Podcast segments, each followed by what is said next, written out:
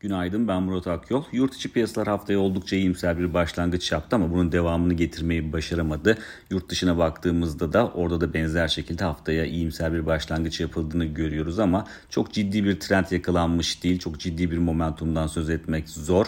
Ee, özellikle Amerika'da bu hafta yoğun bir bilanço döneminin olması, bunun yanında resesyon endişelerinin ön planda olduğu bir dönemde gayri sarfi yurt içi hasılar rakamının açıklanacak olması ve Fed'in enflasyonu takip etmek için kullandığı PCE rakamının beklenmesi e, yatırımcıları biraz daha e, temkinli kalmaya iten unsurlar olarak çalışıyor.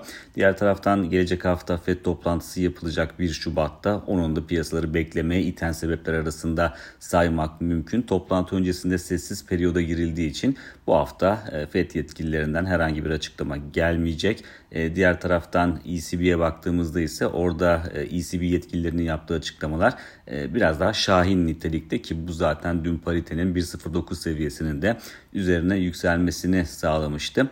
Bugüne baktığımızda bugün makroekonomik veri tarafında özellikle e, ekonomik aktivitenin seyrine işaret eden veriler ön planda olacak ki hem Euro bölgesinde hem de Amerika'da PMI öncü rakamları açıklanacak, öncü endeksleri açıklanacak. Amerika'da hem imalat endeksinin hem hizmet endeksinin büyümeyi daralmadan ayıran 50 seviyesinin altında kalması beklenirken Euro bölgesinde ise hizmet sektörünün 50 seviyesini aşması e, bekleniyor.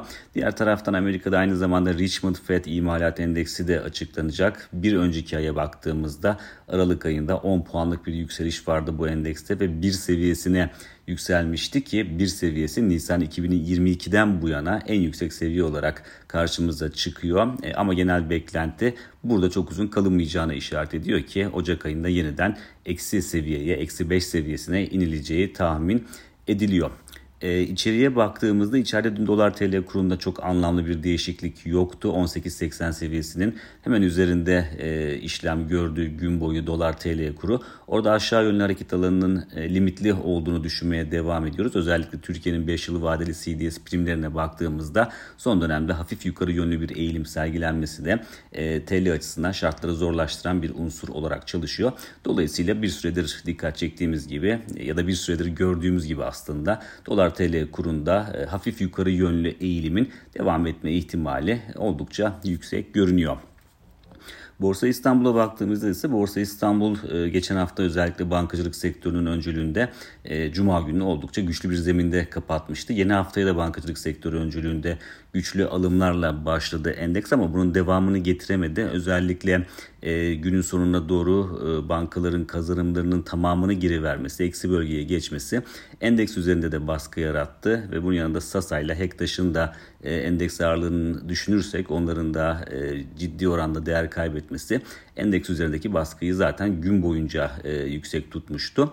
E, günün sonuna baktığımızda endekste %1,5'un üzerinde değer kaybı görüyoruz. Ve e, burada dikkat çektiğimiz teknik seviye özellikle 5500 puan seviyesiydi. Bu seviyenin üzerine e, test etmesine rağmen endeks burada tutunamadı. Dolayısıyla e, teknik görünümde çok ciddi bir iyileşmeden şu an için söz etmek mümkün değil e, bu seviyenin aşılması durumunda 5700'e doğru hareket edilme ihtimalinin tekrar geçerliliğini e, kazanacağını düşünmeye devam ediyoruz. Ama mevcut şartlar altında eğer baskının artması durumunda aşağıda e, sırasıyla 5330 ve 5250 puan seviyelerini destek noktaları olarak takip edeceğiz. Bir sonraki podcast'te görüşmek üzere.